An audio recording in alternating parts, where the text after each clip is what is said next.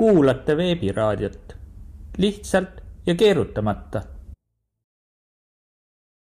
nii, tervitus siit Ameerika maalt, kust me alustame järjekordse saatega. meie saate nimeks ei ole seekord äh, siis räägime asjast, vaid me oleme hoopis teise, teise looga siin. meie räägime asju lihtsamalt, me räägime targemalt. ja seekord on üks väga raske teema, milleks on koroona ja koroonaviirus. ja meil on nüüd sta, äh, stuudios äh, lingina Ave. Ave on tuntud ajakirjanik, kelle lugusid on avaldatud nii Eestis kui Ameerika maal. näiteks Bloomberg on avaldanud, Yahoo ja teisi. Ave on ka muidugi Eesti, USA EKRE aseesimees. nii et Ave, Ave on igatepidi tark naine, tal on ka kõrgharidus, ta on töötanud meditsiinialal ja tema oskab palju sellest koroonasjast rääkida meile. ja peale selle on meil veel Mihkel Paimla, Eesti Eest toimetaja Tervist. ja Maarja Maripuu, kes on tuntud kui konservatiivne mõtiskleja. nii al, alustame kohe et millal see koroona algas, kus see üldse tekkis ja mis üldse on koroona? nii, Ave uh,. No minu isiklikku peret puudutas see kahe tuhande kahekümne esimesel aastal. aga eks see paanika läks lahti hulka varem. ja praeguseks on tõestatud, et tegemist oli laboris uh, tehtud viirusega, mis võis olla keemiarelv, võis olla midagi muud ja loomulikult on ka vaieldav, kas see lahti lasti, lasti lahti meelega või pääses see kogemata sealt mm, putku panema, nii et aga nagu me kõik teame omaenda peredest ja lähisõprade tutvuskondadest ja, ja üldisest äh, uudistest kaks viimast aastat on olnud väga-väga rasked ja keerulised enam-vähem kõigile inimestele maailmas.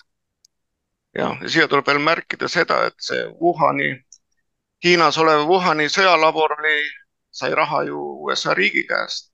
ja, ja nii, et kes selle seal lahti lasi. Trumpile oli vaja ju kuidagi sinna lahti saada Trumpist, et valimisel vaja mõjutada, oli vaja teha siis paberi ehk kirjadel hääletamine et eh, kõik see kuidagi tuli väga täpselt ühel samal ajal. ja, ja üldse koroona ju ei ole mingi uus asi, seda on ju, ta on iga, iga viie-kuue aasta tagant ilmub jälle välja kuskil. keegi jumal teab, mida on katsetanud, aga see paanikaks pole kunagi põhjust olnud siiamaani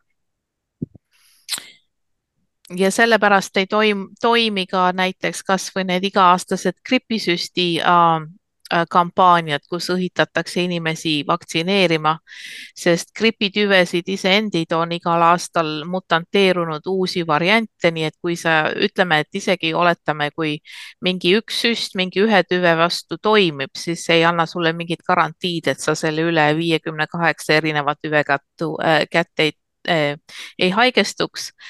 ja kõige lihtsam viis nakkushaigustest äh, pääseda, on see vana tõde, et tuleb tihti käsi pesta sooja vee ja seebiga ja mitte kasutada neid äh, pudelipumpasid, kus on mingi geelilaadne, mingi alkoholipläma, see esiteks ei desinfitseeri, pealegi on see kogu ülejäänud organismile kahjulik. nii et äh, kõikide nende haiguste vastu aitab kõige paremini äh, oma immuunsuse natu, naturaalsel teel toestamine, omades piisavalt vitamiin D-d, mis tuleb päikesevalgusest, mis jällegi on omaette teema, sest nii palju aastaid on meile pähe ta, ta, raiutud, et päikese eest tuleb kaitsta, tuleb ennast kätt kokku mäkerdada päikesekreemidega. Ähm, tegelikult äh, vitamiin D-d ähm, kapslite kaudu on inimorganismil üsna raske omastada, kõige parem viis vitamiin D-d omastada on lihtsalt päikese käes olla. muidugi ei tasu ennast ära põletada ja keset päeva kuskil kolmekümne pluss Celsius-kraadi ees ennast praadida, aga tuleb lasta päikesevalgusel oma äh, nahale ligi, kas siis varahommikul või hilisõhtustel tundidel ja see ennetab ja, ja tervendab meid äh, väga mitmes mõttes just, et kui see koroona nüüd hakkas pihta, see oli kaks tuhat kakskümmend eh, märts, kui ta ametlikult paanika tehti. meie firma oli üks esimesi, kes eh, siin DC-s tegeles selle viiruse laialiajamisega või neutraliseerimisega ja ka see oli kuu aega enne. et muidugi me kirjutasime alla paberid, et me ei tohi sellest rääkida, aga ma ei räägigi sellest otseselt. et see oli teada, me kõik jäime haigeks, meie töölised haigeks, meie raamatupidaja haigeks, kõigil meile. Äh, leiti, et meil on koroona ja see oli juba siis äh, aprilli-maikuus, nii et see laine käis juba hooga selleks hetkeks läbi. aga mida meie valitsus, meie Ameerika valitsus käskis teha, on istuda kodus. õue minekuks pidi sul luba olema, vähemalt meil Marylandis pidi olema. kui sa hakkasid autoga kuskile sõitma, pidi sul olema spetsiaalne propusk et näidata ette politseile, et sul on ikkagi vajalik sõit see. ja niimoodi istusid inimesed kodus, ei tohtinud õue minna, ei tohtinud joosta, veel vähem randa minna. kõik poed, kõik väiksed ärid muidugi pandi kinni, Walmart jäi avatuks, Costco'd jäid avatuks, jäid ka avatuks McDonalds, kus on väga tervislik toit, tervislik toit, aga kõik väiksed kohad, kus sai normaalselt süüa, pandi kõik kinni ja noh, nad läksid ka kiiresti pankrotti et küsin Ma Maarjo natukene sinu kommentaari, mis see, et Maarjo asub ise Soomes, nii et olemegi me, meie praegu siin, kes on DC-s, kes on New Jersey's, kes on Tallinnas ja Maarjo on praegusel hetkel Soomes. ja, et äh, selles suhtes äh, noh, kuidas ma nüüd ütlen, mul on endal samamoodi kogemus selle koroonaga niimoodi, et äh, kui see tuli, jäin haigeks ütleme nii, et aga me keegi ei teadnud, mis haigusega on tegu ja, ja kogu aeg nii-öelda massimeedia süstis inimestele sisse hirmu. ja, ja, ja, ja siis, kui sa ise haigestusid sellesse, no ma olen ennem ka seda rääkinud, et tekkis nii-öelda paanikahoog, sest sa mõtlesid, et sa oledki sellesse surmavasse viirusesse nii-öelda haigestunud ja, ja nüüd, nüüd oledki siia korterisse nii-öelda ära fikseeritud ja, ja oota nüüd surma, et kas surm nüüd tuleb või ei tule.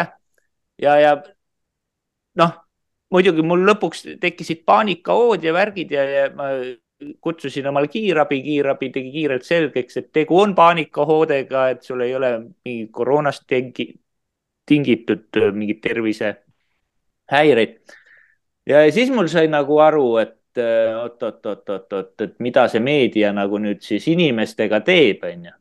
et kui minul tekkis, siis ilmselgelt ka tekib paljudel teistel nii-öelda paanikahoog ja, ja noh, ilmselgelt see meedia niisugune töö inimestega oli siis eelmänguks selleks, et neid, nad jookseks vaktsiinidele, vaktsiinidele vastu, et, et tule teeme nüüd kiirelt süsti ära, et muidu sa sured mm. -hmm. et äh,, et jah. jah, rääkides vaktsiinidest, et äh, selline mees nagu Tony Fauci. Tony Fauci sai kuulsaks sellega, et tema ju ravis AIDSi, kuigi see ravim tuli pärastpoole välja, oli palju ohtlikum, kui see AIDS ise oli ja tappis palju rohkem inimesi ära. aga ikkagi tema oli peamees, tema veel sai niisuguse tehingu, et tema ostis ühe suure farmaatsiafirma, mis oli kohe-kohe pankrotti minemas. ostis kopikate eest ära ja muidugi oh imet, et see firma oli see, kes tõi ka ühe vaktsiini välja ja sai ka esimese aastaga kaheksa miljardit kasumit kui, kui ma tohiks korraks vahele hõigata, siis AIDS muidugi on ka jällegi laboris kokku keevitatud nii-öelda viirus, mis äh, loomulikul teel kuidagi ei arenenud ega sündinud ega edasi kandunud. jah, ja AIDSiga on selline asi, et äh, seal peab olema hästi palju erinevaid markereid, äh, millega seda siis määratakse, sest et otsest midagi ei olegi võimalik määrata, et inimesel on AIDS ja paljud sportlased, paljud poksijad, neile määrati, tehti nagu neil oleks AIDS, pärast tuli välja, et neil oli lihtsalt, olid nad ülekoormusega ja siis tehti nad vigaseks. jah. Mm.. nii, Mihkel, sinu kommentaar.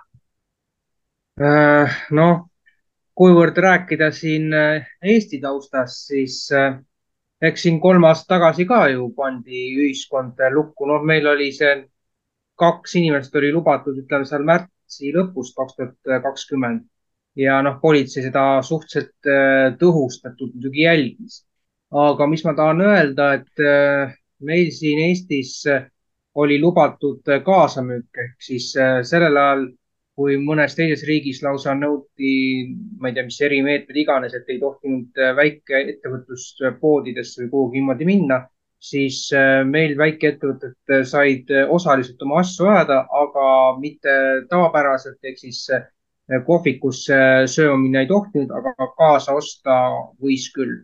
ja mis on muidugi oluline, et kui rääkida sellest Jüri Ratase teisest valitsusest, siis nendel oli selline kavatsus või noh, tegidki selle ära, et äh, võeti kaks või kolm miljardit äh, laenu, kuskil rohkem, aga selle eesmärk oli stimuleerida ettevõtluse toetamist selles raskes olukorras ja mis tagantjärgi oli suur viga, sest anti raha suurematele kaubanduskeskustele selleks, et siis juba enne seda suurt süstimiskampaaniat kohustada kliente maske kandma keskuse territooriumites sees.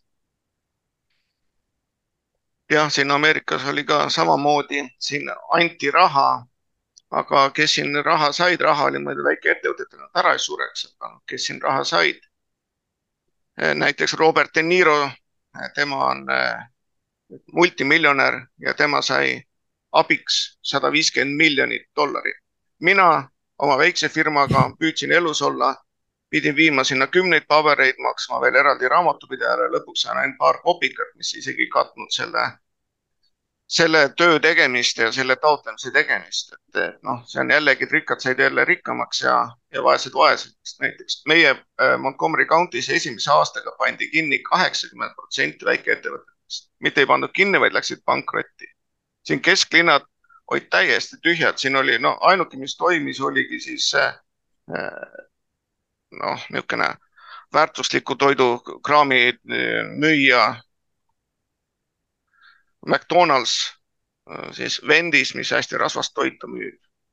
ja siis äh, muidugi Walmartid ja sellised suured, aga kõik väiksed läksid kolinal pankrotti. minu, minu paljud business partnerid läksid kõiki oma elusäästudega täiesti, täiesti maha, nad äh, on, võtsid endale eluasemele topelt eluasemelaenud maksta veel firma võlgusid lootsid, et midagi läheb paremaks, aga ei läinudki kunagi paremaks mm. -hmm. ja järgmisena äkki võtaks ette selle vaktsiini enda et seda, mida hakati pähe suruma, et nüüd on uus moodne mRNA, te saate kõik nüüd, nüüd nii tubliks, teie kunagi isegi ei köhi enam. et hakati seda peale sundima põhimõtteliselt igal pool, näiteks meil oli raske isegi tööotsi saada, sest et igal pool oli nõutav vaktsiin ja veel vähem sai sa reisida. igal pool sa pidid ette näitama, et sul on see vaksitõend. ei tähendanud isegi see, et kui sul näiteks oled Aamis ja sul sulle ei sobi vaktsiinid ja sa ei taha nendega, et sa loodad ikkagi, et, et su enda tervisel teed sporti, et see on tugev. et see ei olnud mingisugune abi või see, et sa olid läbi põdenud. näiteks mina olin läbi põdenud, mul oli vastav, vastav sertifikaat arsti poolt ja selle peale lihtsalt naerdi igal pool, et, et ei, ei, sa pead ikkagi, ikkagi minema ja võtma selle mürgisüsti sisse.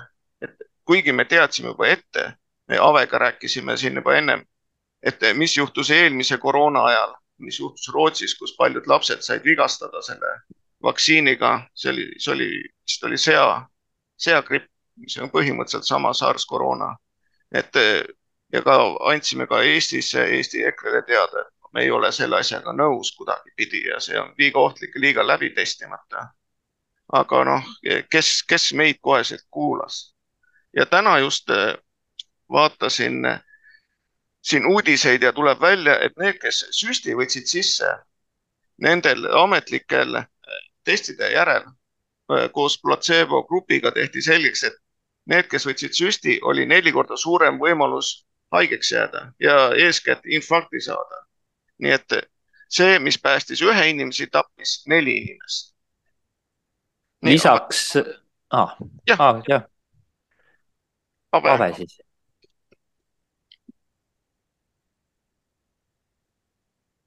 Ave ah,. Sorry. Ah, ei ah,, mina, mina ja mu pere, kogu pere ei tormanud äh, süstima just sellel äh, põhjusel, et me oleme nii-öelda maailmade asjade kulgu jälginud ja oleme nii-öelda loogiliselt mõtlevad inimesed, kes oskavad erinevaid seoseid näha. Ja me oleme näinud, kuidas kasvõi nagu ma enne märkisin, et see gripivaktsiin ei hoia sind gripist ära.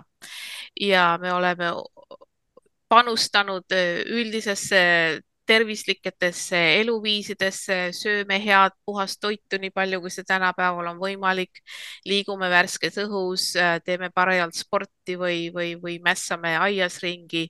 nii et see ja muidugi eri, esimene häirekell selle puhul oli see, et oh, opla, nüüd on mingi õudne suur äh, viirus, mis tapab kõiki maa pealt äh, ja paar nädalat, paar, nädalat hiljem on selle jaoks juba väga tõhus vaktsiin välja töötatud, et kuidas see on üldse võimalik. Teades suure farmaatsiatööstuse äh, eripärasid, see tundus lihtsalt võimatu, et esiteks see, see kuidagi tundub väga kahtlane, et nii kui mingi uus haigus on meid kõiki hävitamas, nii kohe on uus vaktsiin olemas.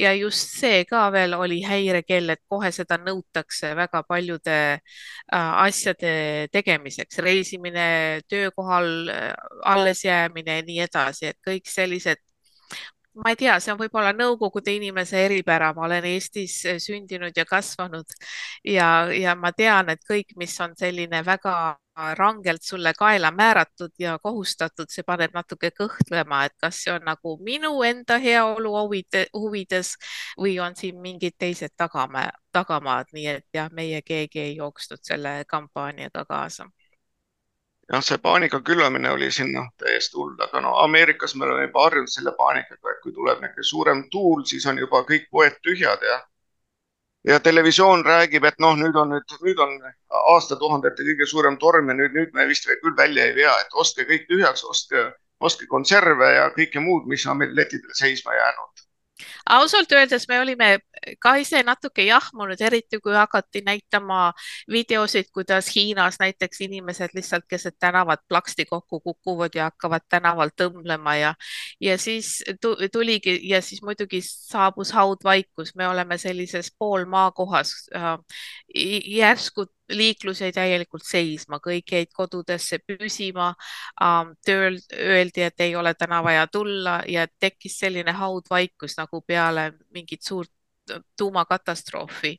Ja siis oligi see esialgne teadmatus, mis meie arvasime oma perega kõigepealt oli see, et lihtsalt lasti lahti mingi biorelv ja siis muidugi, kui siis tasapisi paari päeva jooksul tuli välja, et noh, ikkagi nagu peaks poodi minema piima järele ja nagu sa isegi ütlesid, kõik need suured ketid olid lahti, siis muidugi ma panin ka maski ette ja, ja kummikindad kätte ja läksin, tõin värsket piima poest, aga siis ma hakkasin mõtlema, et okei okay, et kui see viirus on nii kohutavalt äh, võimas ja nii tappev ja nii nakkav, et okei okay,, ma panen kummikinda kätte, kui ma seda piimapudelit poes käsitlen ja panen selle pagasnikusse ja siis nüüd võtan kummikindad käest ära, et, et kust see lollus nagu lõppema hakkab, kas ma pean kogu piimapudeli enne piiritusega üle käima, enne kui ma ta oma koju viin ja, ja et nagu tasapisi hakkas nagu kohale jõudma, et, et see, see ei ole võimalik, see ei ole reaalne, see ei toimiks esiteks kogu see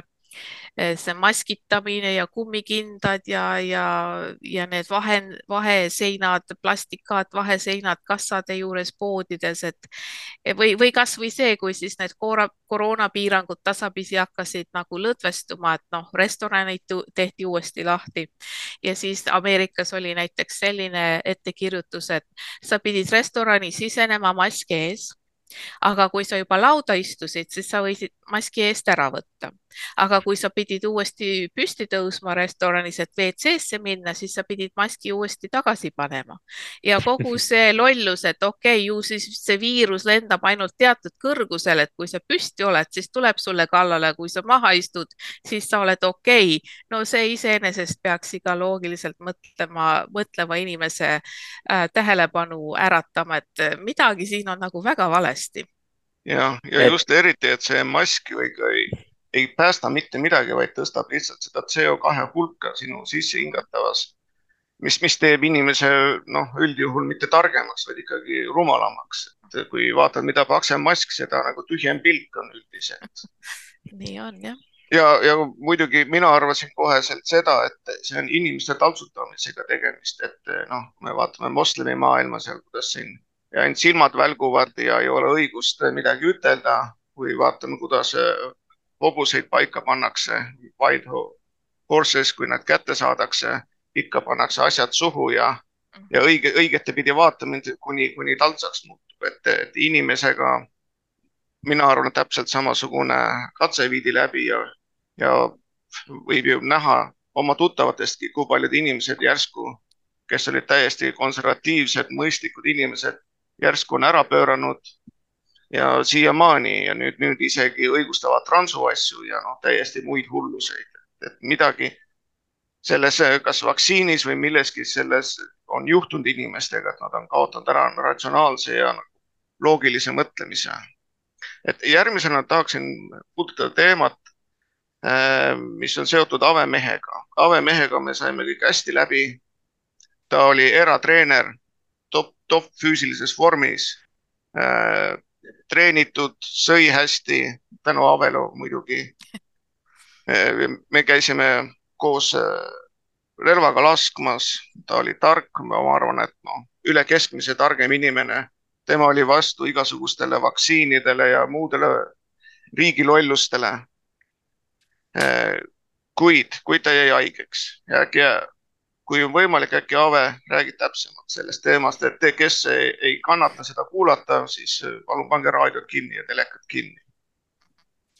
jah ähm,, ta haigestus ähm, kahe tuhande kahekümne esimese aasta detsembris, ma just vaatasin oma päevikust järgi äh, viieteistkümnendal detsembril, nii et umbes kümme päeva enne jõule hakkas ta ennast halvasti tundma ja tuli välja, et töö juures neil üks äh, daam oligi koroona positiivne, kes tuli ikkagi tööle ja siis ju siis nakatas ülejäänud kollektiivi. Ja Steven oli tema nimi, mu abikaasa nimi, siis hakkas ennast paar päeva hiljem ka äh, halvasti tundma ja ma ütlesin talle, et puhka natuke, et ära, ära tööle tagasi mine, et lihtsalt võta paar päeva vabaks ja, ja, ja tohterdame sind kodus, aga tema nagu kohusetundlik Ameerika tööline ikka ütles, et oh, et kui ma ei lähe, siis kes siis minu eest töö ära teeb ja nii ja naa, läks tööle tagasi. ja siis hakkasid tal tekkima hingamisraskused, tundis ennast väga kehvasti äh, hakkas nagu hingeldades hingama, ei saanud piisavalt hapnikku ja ma käsutasin ta mitte haiglasse kohe, aga meil on sellised nii-öelda nagu esmaabi traumapunktid siin äh, Ameerikas no, niisugused noh, nagu nii-öelda kiirtoidu meetodil esmaabipunktid äh,. kärutasin ta sinna, tehti proov, oli jah Covidi positiivne, mis tänaseks ma mõtlen ka, et kogu see testimine ja need koroona positiivsed testid, see on omaette teema kui, kui me teame, et isegi mingid melonid on osutunud koroona positiivseks ja, ja lemmikloomade väljaheited või mis iganes, nii et kogu see testimine on omaette, omaette värk, aga igatahes tundis ta ennast halvasti äh,, oli kõrge palavik äh,, hingata oli tal raske ja siis ma katsusin talle auku pähe rääkida, et lähme siis ikkagi äh, haiglasse, noh, e-, esmaabi haiglasse.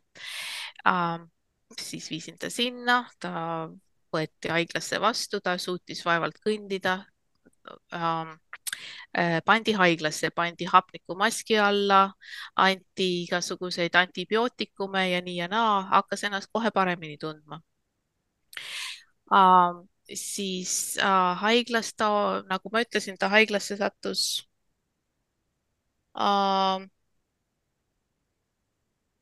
üheksateistkümnendal detsembril ja lootis, et saab enne jõulusid koju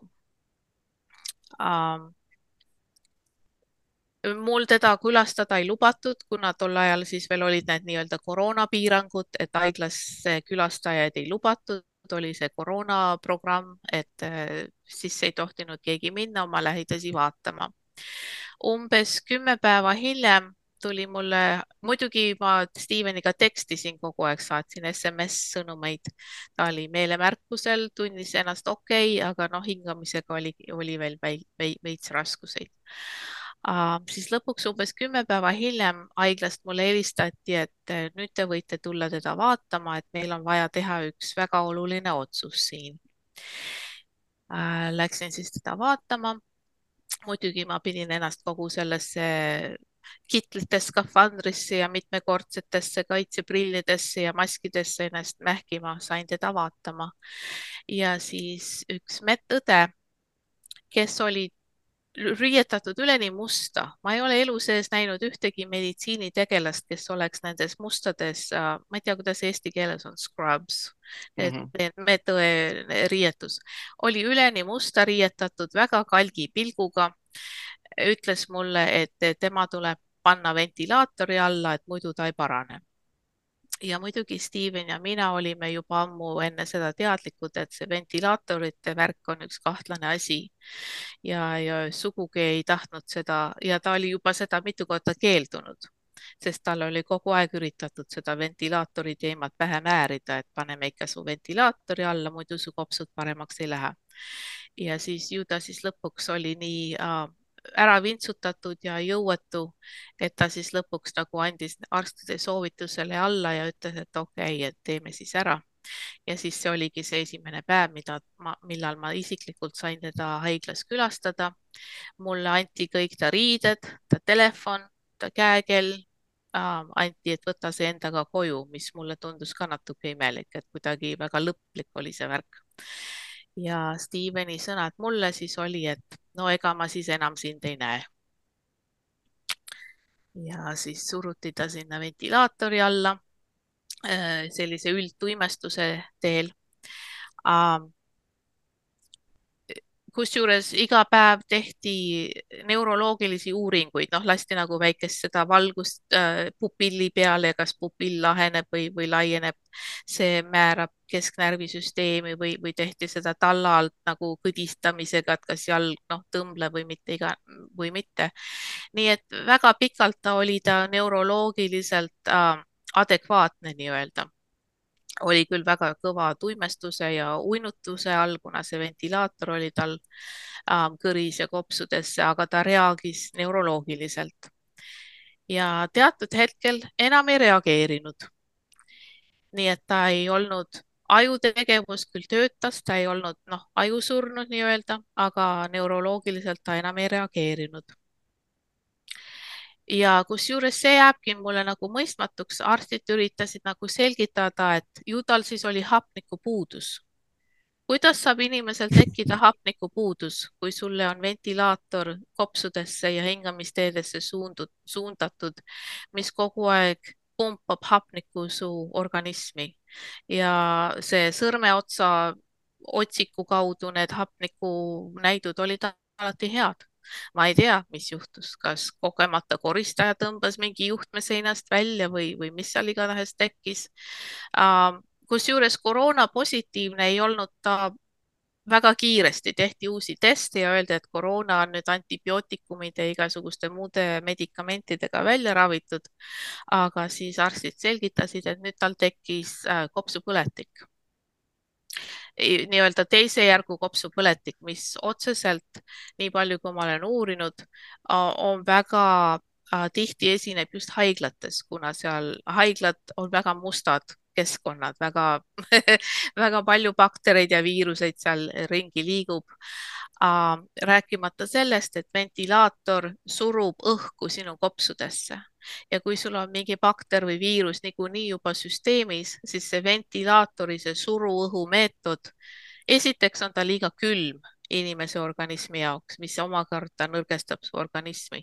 teiseks, kui sul mingi bakter, ütleme, on kasvõi ainult bronhides, aga sa pumpad suruõhuga seda pidevalt sügavamale kopsudesse, siis seda raskem on sellest lahti saada uh, niisiis, ühesõnaga Steven läks haiglasse üheksateistkümnendal septembril uh,. veebruarikuu okei okay,, oota, ma nüüd natuke meenutan ah,, siis mingi teatud hetkel neid koroona äh, äh, reegleid natuke nagu lõdvendati, et mul lubati siis hakata teda vaatamas käima, mis oli muidugi peale seda, kui ta juba nii-öelda kapsaks oli tehtud. siis äh, ma masseerisin ta käsi, mängisin talle ta lemmikmuusikalugusid, üritades teda nii-öelda üles äratada uh, veebruar kaks kümme või midagi, veebruar kümme või midagi niimoodi, siis kutsuti mind uuesti haiglasse nagu nõupidamisele, kus nagu räägiti, et, et ega tal enam erilist lootust ei ole, et millal me nii-öelda juhtmed lahti teeme. Ja siis, mille peale ma muidugi nagu kõik kallima eest hoolitsevad inimesed on kuidagi väga sellest šokist, et okei okay,, et ma ei ole nagu selleks valmis, et lihtsalt stepsel lahti arutada ja tal minna lasta. ja siis ütlesin, et ma pean ülejäänud perekonnaga natuke kauem nõu pidama, nõu pidama ja arutama, kuna ma olin ka mõnede teiste inimeste käest kuulnud, et kuna ta on nii kaua olnud selle sund äh, uinutamise ja, ja asjade peale, et tal lihtsalt vajab rohkem aega, et uuesti üles ärgata. Ja siis oligi huvitav, et siis äh, kolmeteistkümnendal veebruaril oli, mis on Ameerika üks suur sündmus, on see Super Bowl ehk see Ameerika jalgpalli see nagu lõppfinaal fi, fi, fi, ja Steven ise jalgpallimängurina olnud kolledžis ja ta alati seda iga aasta vaatas. ja ma olin teinud plaane, et temaga siis nii-öelda koos vaadata haiglas seda Super Bowl äh, võistlust, äh, mis on alati õhtupoole, aga sama päeva hommikul mulle arstid helistasid, et me teame, et sa plaanisid õhtupoole siia tulla, aga, aga võib-olla tuleksid varem kohale, et tal vist ei ole kaua jäänud. Jällegi väga huvitav äh, kokkusattumus, et just paar päeva tagasi oli mulle nagu öelda haigla poolt, et kuule, et aitab küll, et võtame juhtmed seinast lahti ja las ta läheb. ja siis nii ma siis olin seal siis varakult kohal, jäin temaga seda jalgpallivõitlust vaatama ja see oli veel talvine ilm ja järsku hakkas nagu lumetormi tulema ja ma ütlesin talle ka kõrva sisse, et kuule, et ma, ma, ma vist pean hakkama minema, et teed lähevad väga jäiseks, et ma tulen homme tagasi. ja noh, kuigi ta ei olnud adekvaatne ja ei reageerunud ega kontakteerunud minuga, siis sel hetkel veeres üks pisar ta silmist välja. ma üritasin küll professionaalseks jääda, aga ja siis ma mõtlesin, et okei okay,, et ma ei saa ära minna. jään siis sinna ja siis tunnike hiljem siis hakkaski ta südametegevus lakkama ja, ja ta suri mu käte vahel. ah soo, ma üritasin, ma unustasin mainimata seda, et kui ta veel meele, meelemärkusel oli ja tal õudselt üritati seda ventilaatori režiimi peale pähe määrida ja siis ta tekstis mulle, et tule palun kirjuta mind siit haiglast välja, et, et mul ei ole hea tunne siia jääda ja mida ma siis üritasingi teha. aga loomulikult siis oleks mul olnud vaja talle hapnikuaparaati ja särki-värki, mida noh, võtab natuke aega organiseerida. kuid sellelegi vaatamata ma lendasin kohe sinna iga kord, kui ta seda tekstis ja arstid ei lubanud tal ennast välja kirjutada, nad äh, ähvardasid teda psühhiaatrilise ma ei tea, kuidas see eesti keeles on, psychiatric hold, et mm. nagu psühhiaatrilistel põhjustel nad ei luba teda ennast oma sealt haiglast välja kirjutada, et ta ei ole täie mõistuse juures, et nad ei saa teda välja lasta. nii et ühesõnaga hoiti teda pantvangis. kui ma mäletan, et ma nägin neid pilte, äh, see oli Steveni matustel, et sellest, kuidas viimased päevad oli suur turske mees, oli ainult kondid järgi jäänud. et mm -hmm siit tekib küsimus, et kas talle siis süüa üldse ei antudki või, või mis seal toimus, miks selline suur, suur võib öelda põkk oli, oli ainult kondide järgi, et äh, see no, no teda toideti ainult lohviga ja sa, muidugi tekkisid tal ka lamatised ja nii, et noh, nagu ikka. see tähendab, teda üldse ei keeratud? keerati küll, aga ikkagi suur turske mees ja ma arvan, et ta, miks ta sellele äh, arstide pealesurumisele alla andis, oli osalt ka selle, et tal oli äh, seljahädad, et tal oli väga valus selili lamada, et ta oleks tahtnud ennast rohkem ise keerata ühtpidi või teistpidi, tal oli noh, ta, kuna ta tegeles atleetvõimlemisega, siis ta oli üle tõstnud ja olid noh, seljalülihädad ja siis see oligi tema jaoks kõige suurem piim, piin, kui ta veel meelemärkusel oli, et ta pidi sedasi liikumatus äh, asendis lamama igasuguste lohvide ja, ja hapnikumaskide külge aheldatuna lõuna ja siis ma arvan, ta lihtsalt lõpp, lõpus siis väsis kümne päeva pärast nii ära, et ütles, et oh, okei okay,, tehke mis, mis iganes te heaks arvate, et noh, see oli talle lihtsalt nii suur piin sedasi äh, voodi külge aheldatuna olla ah,. oh, so, sorry, ma veel mainin seda ka, et, et see ventilaatori lohv oli noh, sedasi läbi suu nagu kõrist alla, eks ole. ja siis äh, lõpuks, kui ta juba oli nii-öelda kapsaks tehtud, siis tehti talle see, mis eesti keeles on see auk läbi selle hingamistoru mm -hmm. ja siis ma nägin, et tal see lohv, see plast, massist lohv läbi suu olnud nii kaua aega, oli kõik ta hambad ka ära avitanud, et see oli nagu noh, hambad olid vastu seda lohvi käinud nii palju, et olid niimoodi poole lühemaks hõõrutud ja siis ma mõtlesin veel seda ka, et issand jumal, et et kui ta nüüd siis noh, meelemärkusel tuleb ja paremaks saab, et siis tal nüüd hakkavad õudsed hambavalud olema ja peab eh, mitu korda hambaarstide juures edasi-tagasi jooksma hakkama ja nii et kogu see, kusjuures mul on mitu teooriat kogu tema saaga kohta, aga see, et, et võib-olla vaadati ta sotsiaalmeediat võib-olla vaadati seda, et ta on kogu selle riikliku korruptsiooni vastu väga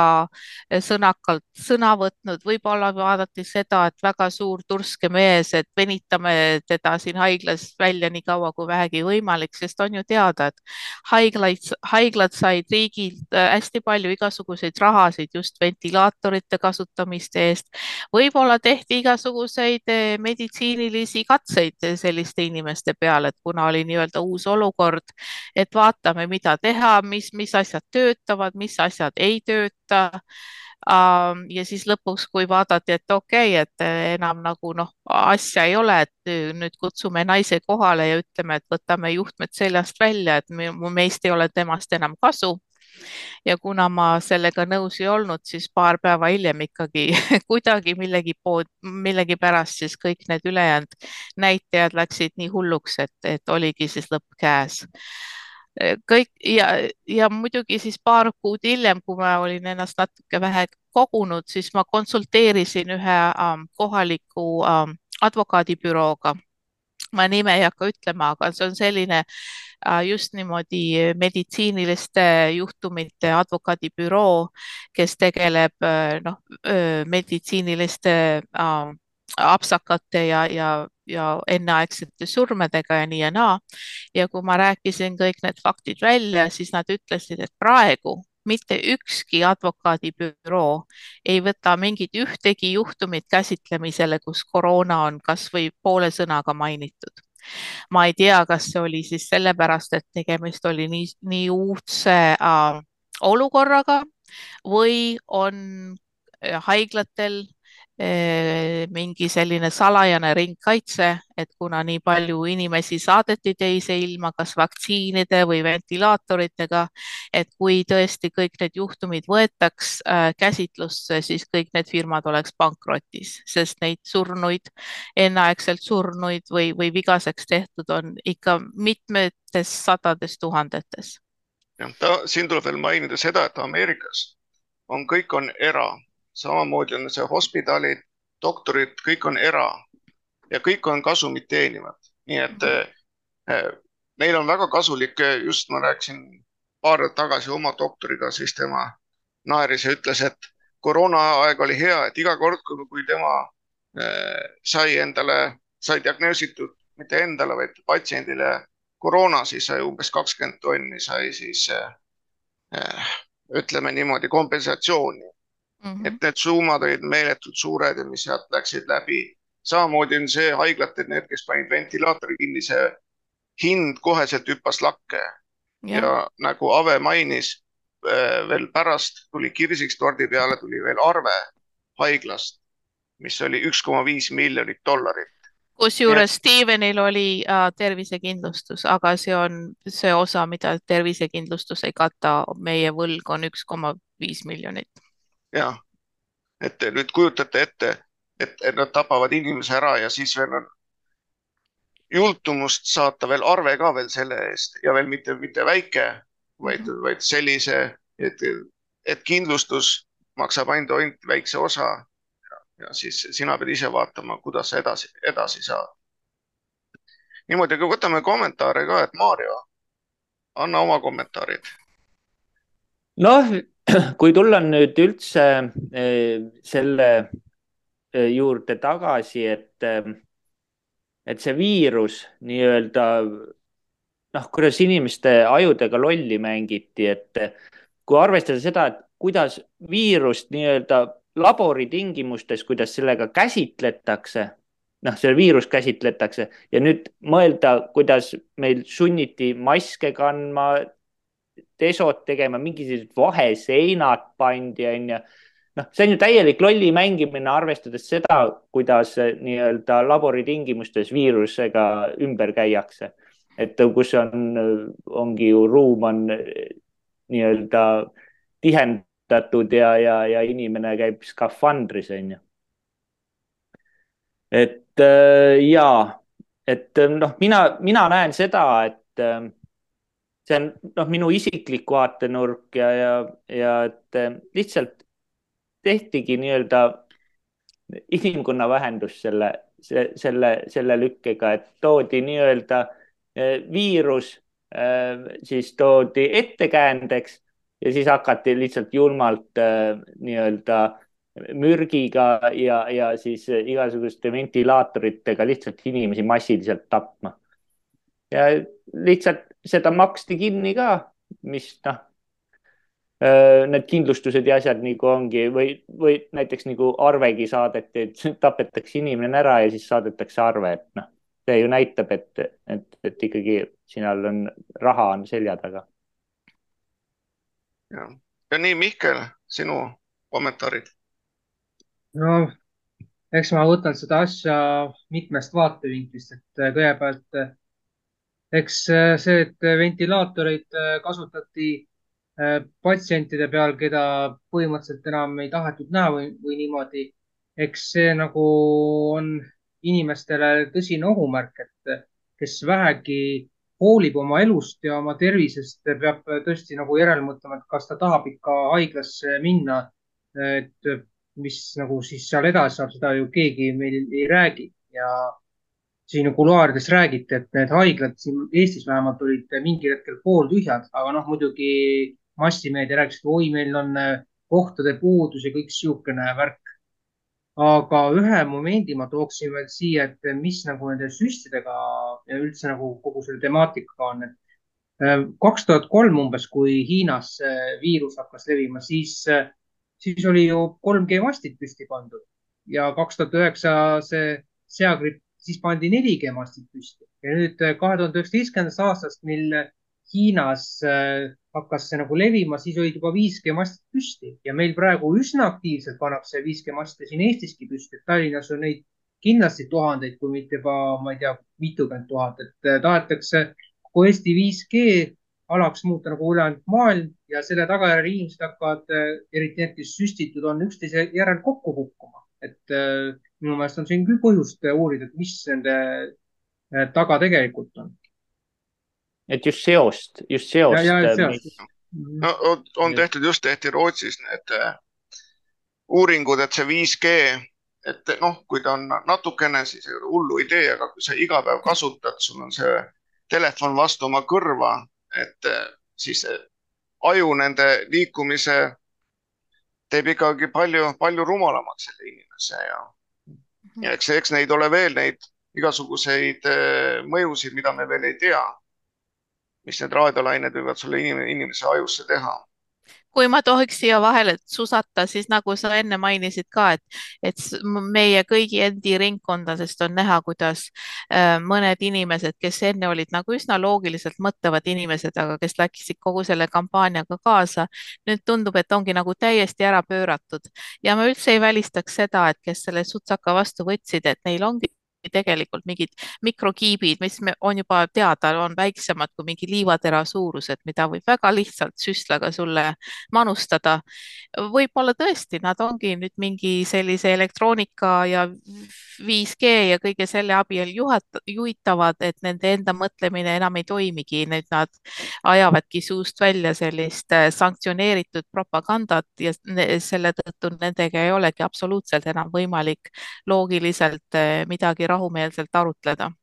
et just, et, et kui meid on kogu aeg öeldud, et me oleme vandenõuteoreetikud, siis läheb jälle aastake mööda, jälle tuleb välja, jälle meil on õigus mm. -hmm. jälle, jälle on äh, meile valitsus ja on meedia ainult kärbseid ja jama pähe ajanud. et igatepidi ju vaadake, kuidas äh, Facebookis blokitakse, kui üritad midagi, midagi tõsist, isegi dokumenteeritud näidata, siis äh, pannakse sulle seal igasugused karistused peale, et jumala eest, et see info ei läheks ja eriti Eestis, kus info üldse ei taha kuidagipidi liikuda. et ka Google'is ei taha seal üles tulla. ajakirjandus, kui sa jagad midagi, siis on ainult mingi üks-kaks jagamist, aga tegelikkuses inimesed lihtsalt ei näe seda, nii et mm. see on, kõik on tsensuur ja see läheb ainult iga päevaga suuremaks yeah ja veel tahtsin seda ütelda, et CDC oli see, kes kirjutas ette haiglatele, kuidas nad peavad ravima ja see oli ka selge ja, ja paljud ei julgenudki sellest midagi muud välja mõtelda või kasutada mingisugust hüdrokloroksiini. Äh, sest et nii oli ette nähtud, nad kartsid enda pärast, nad said häid, head raha, polnudki vaja mõtelda. ma enne seda saadet äh, kord uurisin oma fakte üle, et ma ei ajaks mingit midagi iba um, USA kohta, kus mina ja Maik, me mõlemad elame. Äh, kolmas juhtiv äh, põhjus inimeste suremuste kohta on arstide ja haiglate vead ja see on umbes kakssada viiskümmend tuhat inimest aastas, mis on kolmveerand miljonit, on ju. kusjuures see kõik oli enne Covidit.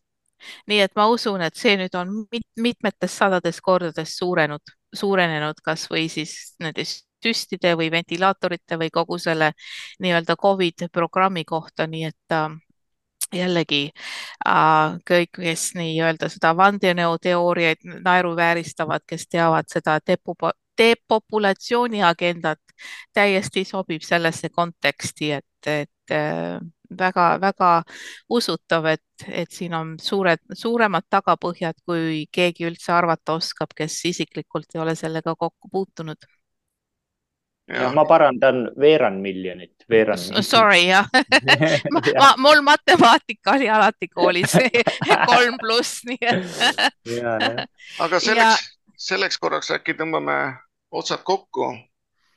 ja, ja tänu Taavele tulekust. Marioga näeme järgmine nädal, Mihkliga järgmine nädal ja siis on juba meil järgmised saatekülalised. nägemist. nägemist, nägemist..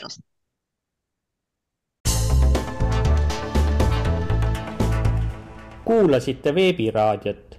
külastage kindlasti ka meie uudisteportaali www.eestieest.com